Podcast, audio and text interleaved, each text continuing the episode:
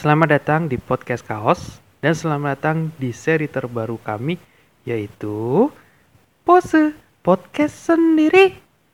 Nah, sesuai dengan namanya berarti uh, yang ngebawa ini podcast ya satu orang aja gitu. Kenapa demikian? Karena ini merupakan jawaban dari apa keluhan kalian lah yang bilang aduh kelamaan banget sih di podcast gitu. Satu jam gitu kan. Kalau bisa uh, berapa menit gitu. Berapa puluh menit gitu. Dan uh, memang sih kalau untuk mengatasi hal ini bisa dibikin episodik. Cuman uh, mungkin nggak bisa direalisasikan uh, dalam waktu dekat-dekat ini ya. Jadi kita kalian dulu pakai seri terbaru lah. Apa model-model terbaru itu model monolog gitu dan di sini yang ngebawain podcast ini adalah gua, Mr. D, karena si Bung Sapong dan Bob Lawas lagi ada urusan gitu kan. Uh, tapi tenang aja nanti mereka juga nyumbang kok untuk uh, seri terbaru ini gitu, untuk seri pose gitu kan. Nah, uh, daripada kelamaan basi-basi ya, kan udah jelas juga kan uh, seri terbaru kita apa gitu. Kita langsung masuk aja ke masalah tema.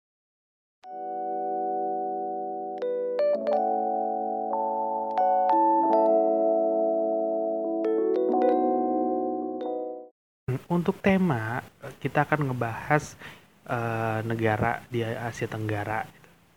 Nah, clue dari negara ini adalah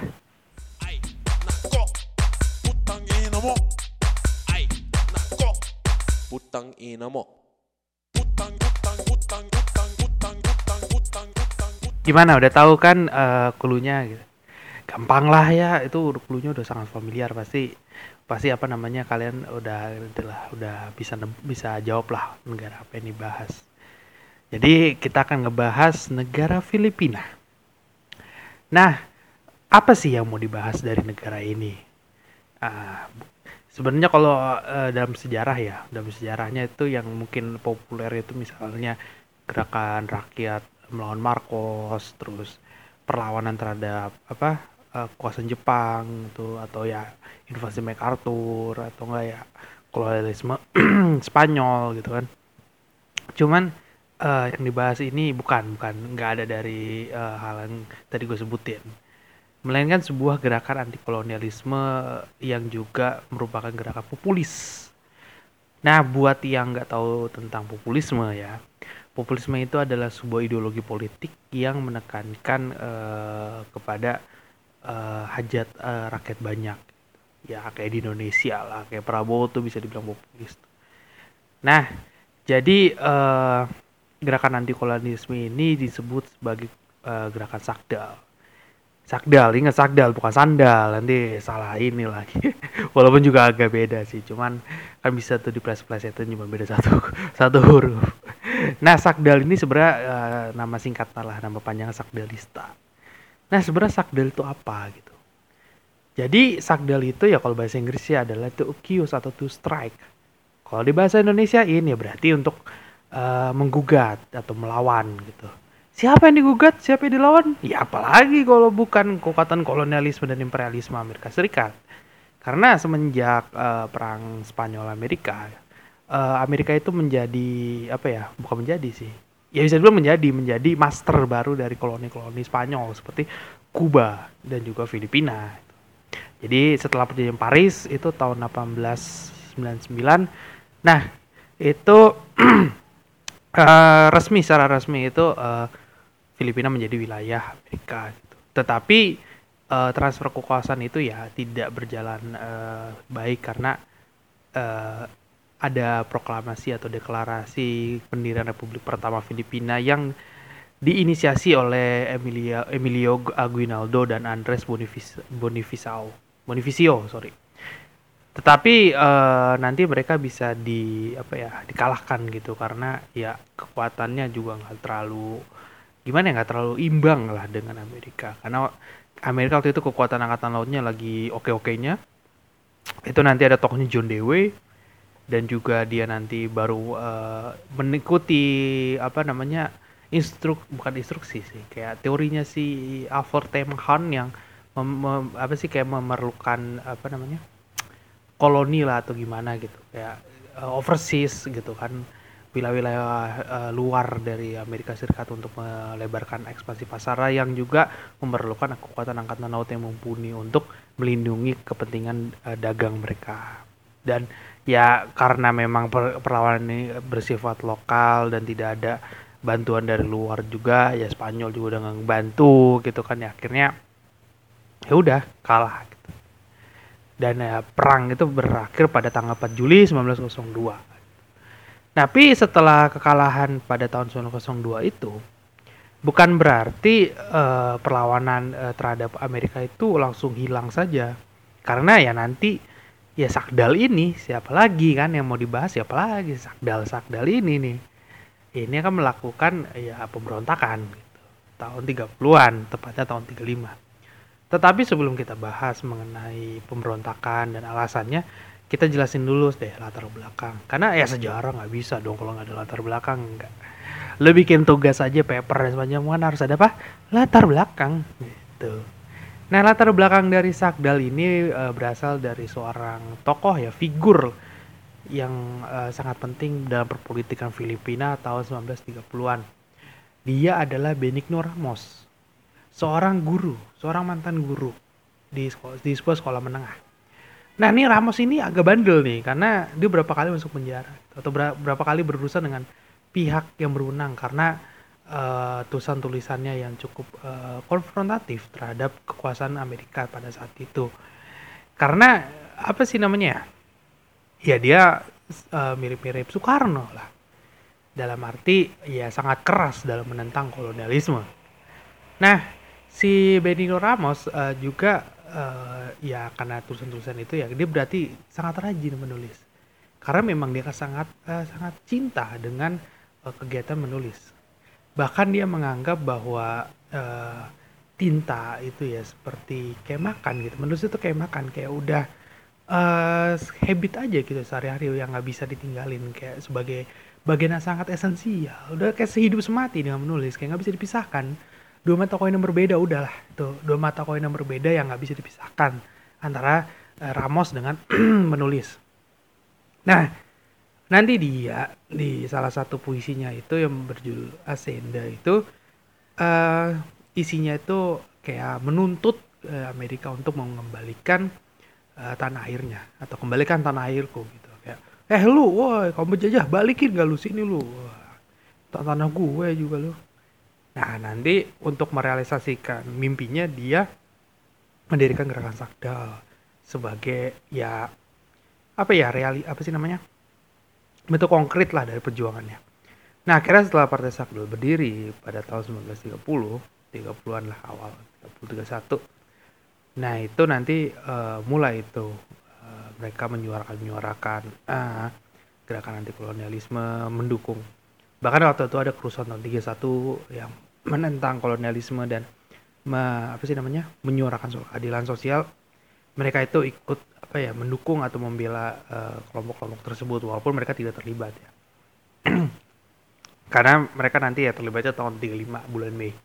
Awal-awal Mei tanggal 2 sampai 3 lah. Nah nanti uh, Sakdal itu jadi partai partai politik tahun 34 tetapi uh, dikalah dalam pemilu melawan nasionalista. Kalau belum kalau ada yang belum tahu tentang Partai Nasionalista itu bisa dibilang ya partai berkuasanya di Filipina lah kayak PNI di Indonesia pada era kemerdekaan gitu kayak yang dominan.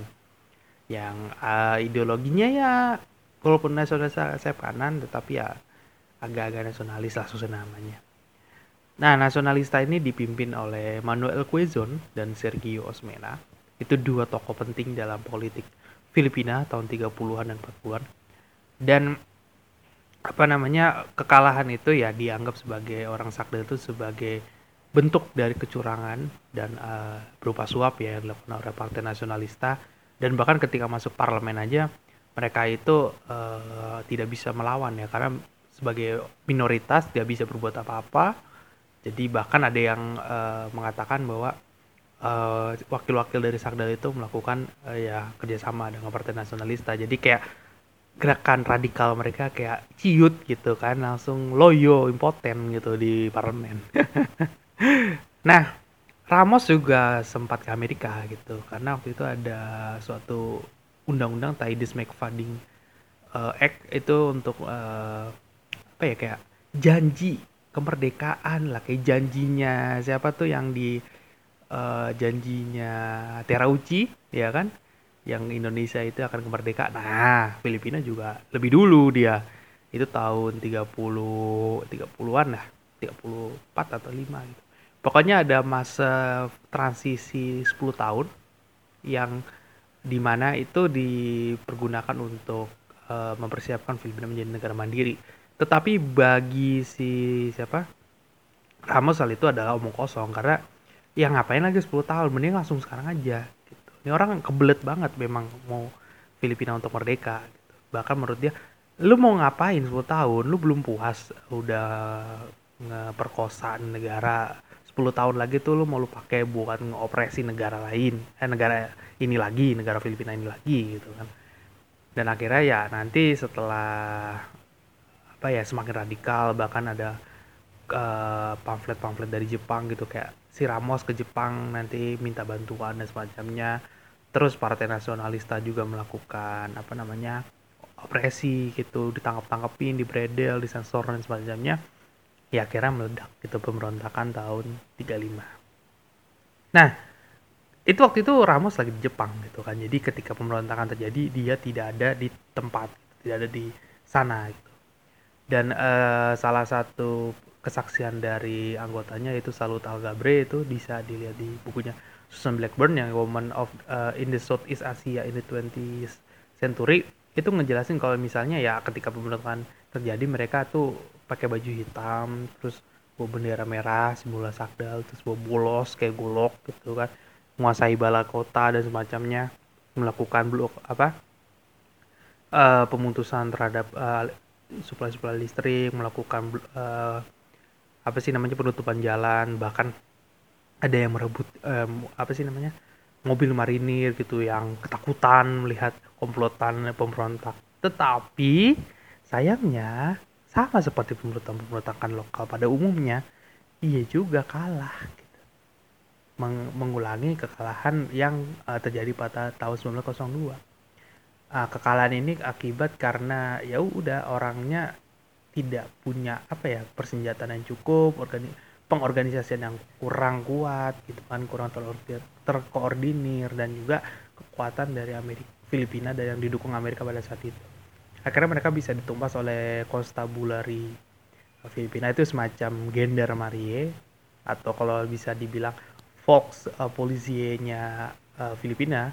Fox Polizia itu kayak polisi lapangan lah kalau kalau ada yang tahu ya. Di Hindia Belanda itu ada semacam polisi lapangan yang untuk bertugas uh, memberantas uh, pemberontakan gitu untuk menumpas pemberontakan. Ya mungkin ini hampir sama-sama kayak polisi militer gitu nah akhirnya banyak yang ditangkap-tangkepin dan semacamnya dan ada yang bilang kalau misalnya mereka menyesal karena ada suatu perkataan dari salah satu anggotanya kalau dia bilang kalau saya tahu kemerdekaan itu seperti ini gitu. Mending saya kabur aja dan bersembunyi kayak apa ya mereka itu kayak takut gitu. Karena ternyata lawannya itu wah sangat-sangat tidak imbang gitu. Sangat-sangat tidak simetris gitu. Kayak aduh lah ah nyesel gue ngeberontak katanya kan. Mending mending gue aja di rumah dah nggak nggak ikut ikutan dah gitu. nah nanti uh, setelah pemberontakan di apa sih namanya tumpas itu nggak lama bulan Mei juga udah selesai itu ya. Nggak ada sebulan kok. Nah nanti si Ramos balik dari Jepang. Nah dia itu sebenarnya tuh yang ngeberontak itu ngarep ya kenapa mereka pede gitu kan. Kayak udah lah ngeberontak. Karena dianggap bahwa nanti Jepang datang. Ternyata Jepang dat eh, telat datangnya telat lima tahun. Lima tahun atau enam tahun setelahnya tahun 40 kan baru datang. Nah uh, setelah itu Ramos balik ke Filipina terus dia ditangkap karena beberapa tuduhan kayak uh, subversif kayak penyebaran ujaran kebencian ya kan? Untung belum ada UT, UT ya. Ya semacam UITE kali ya. Nah terus juga karena melakukan pengumpulan dana yang ilegal dan semacam semacamnya lah ya berurusan dengan pelanggaran hukum. Nah nanti dia juga bikin partai namanya Ganap tetapi ya kalah dalam pemilu tahun 41 nanti dia dipenjara sampai Jepang datang uh, habis Jepang datang dibebasin terus dia dijadiin kepala dari ya organisasi mobilisasi masa rakyat mungkin kayak semacam pemuda ya semacam apa ya di Indonesia ya heyo eh bukan heyo ya pokoknya gerakan pemuda gue nggak gue nggak terlalu tahu juga sih karena di sumber gue yang gue baca nggak terlalu dijelasin gerakan pemudanya seperti apa apakah secara militer atau misalnya nanti kayak Romusa gitu kan nah Nah, nanti tapi nasibnya juga nggak terlalu baik karena nanti setelah perang selesai dia dikabarkan tidak tahu lagi di mana gitu kan nasibnya. Juntrungannya nggak ketahuan gitu. Jadi ya selesai gitu kan gerakan Sakdal udah dibubarin, uh, tokonya juga udah hilang gitu ya udah kelar. Dan beberapa anggotanya nanti masuk ke organisasi lainnya seperti Liga Patriotik Wanita. Nah, uh, setelah gue bahas nih soal Sakdal, kita akan ngebahas tentang sedikit uh, komparasi dengan partai politik kiri lainnya. Salah satunya dengan Partai Komunis Filipina. Jadi walaupun Sakdal dan Partai Komunis Filipina ini sama-sama kiri, tetapi mereka tidak saling suka satu sama lain. Kayak Sakdal aja nganggap Partai Komunis Filipina itu agen Rusia, ya kan? Karena kok pakainya patung Lenin, bukan patung-patung tokoh lokal kayak Aguinaldo dan Bonifacio gitu kan dan si uh, Partai Komunis Filipina nganggap si Sakda itu fasis karena terlalu ultranasionalis, terlalu nasionalis. Dan ya udah gitu kan uh, saling serang menyerang gitu. Walaupun gue belum tahu juga sih sampai ada bentrokan uh, fisik atau gimana. Itu dibaca di The Genesis of uh, Philippine Communist Party itu panjang banget itu halaman banyak banget. Uh, tetapi si Ramos sempat sebenarnya sempat simpati dengan Partai Komunis Filipina karena ya seperti yang gue bilang dua-duanya anti Amerika gitu nah jadi itu aja dari gue ya yang bisa gue jelasin untuk hari ini jadi ya seperti yang uh, lu dengerin dari awal sampai akhir nah populisnya itu ya karena uh, Sakdal ini ya menganggap bahwa dirinya sebagai wakil dari rakyat Filipina wakil dari rakyat bawah karena ya Sakdal ini juga sangat bisa menarik simpati dari kalangan uh, kelas bawah khususnya para petani. Karena kebijakannya juga berkaitan dengan agrarianisme.